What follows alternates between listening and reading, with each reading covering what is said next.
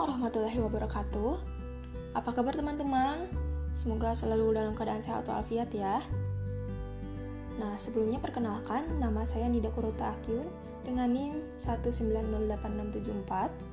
Di sini saya akan memaparkan materi yang sebelumnya sudah dijelaskan oleh saudari Anggi, yaitu tentang using big data, large scale study, and secondary data analysis as to to inform social study teaching and learning. Yang pertama itu ada Center for Information and Research on Civic Learning and Engagement atau biasa disingkat dengan Circle. Jadi, Circle ini merupakan pusat informasi dan penelitian yang berfokus pada kehidupan politik kaum muda di Amerika Serikat, khususnya mereka yang terpinggirkan atau kurang beruntung. Kebijakan dan praktik informasi penelitian ilmiah Circle ini untuk pengembangan pemuda yang lebih sehat dan memiliki demokrasi yang lebih baik. Circle juga merupakan pusat penelitian terkemuka negara tentang keterlibatan sipil millennials, generasi terbesar dalam sejarah Amerika. Circle juga merupakan sumber utama negara atas informasi non-partisipan yang ada tentang pemungutan suara millennials yang digunakan secara luas oleh para jurnalis kampanye dan institusi politik. Selanjutnya, ada secondary, secondary longitudinal studies program and the school and staffing survey atau biasa disingkat dengan SASS adalah sekolah negeri dan sekolah swasta terpadu.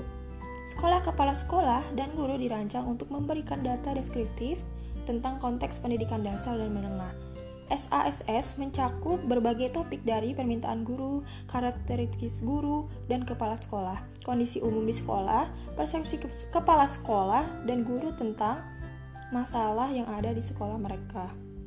Selanjutnya ada International Civic and Citizenship Study atau biasa disingkat dengan ICCS.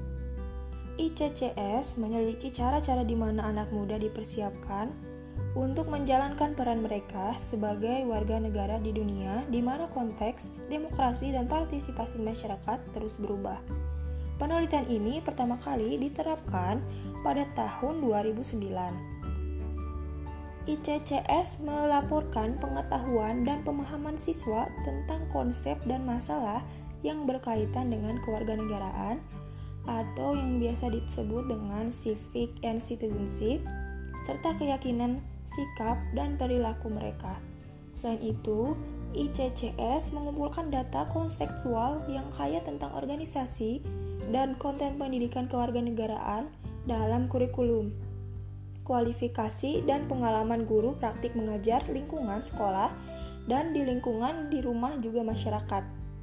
ICCS adalah studi internasional terbesar dan satu-satunya yang didedikasikan untuk pendidikan kewarganegaraan ini memberikan kontribusi yang substansial bagi pengetahuan kita tentang pendidikan kewarganegaraan di sekolah dan pemahaman kita tentang bagaimana berbagai negara mempersiapkan kaum muda mereka untuk kewarganegaraan.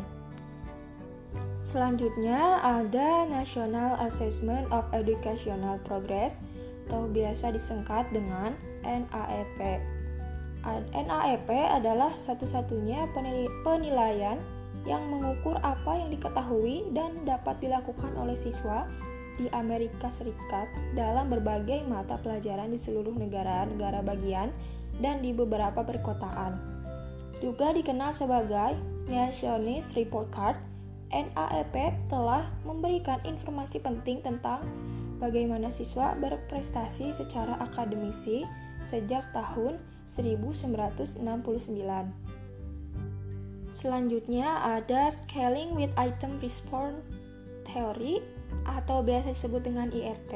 Jadi IRT adalah salah satu metodologi yang paling banyak digunakan dalam psikometrik untuk konstruksi skala dan evaluasi biasanya digunakan untuk menganalisis respons manusia, dinilai sebagai benar atau salah untuk serangkaian pertanyaan. Nah, pertanyaan ini biasa disebut dengan item.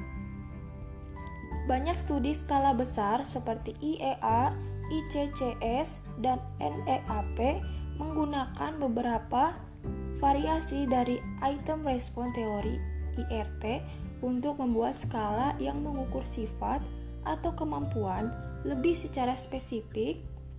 Penskalaan IRT adalah pengukuran mental berdasarkan teori psikologi yang mengukur sifat lebih akurat.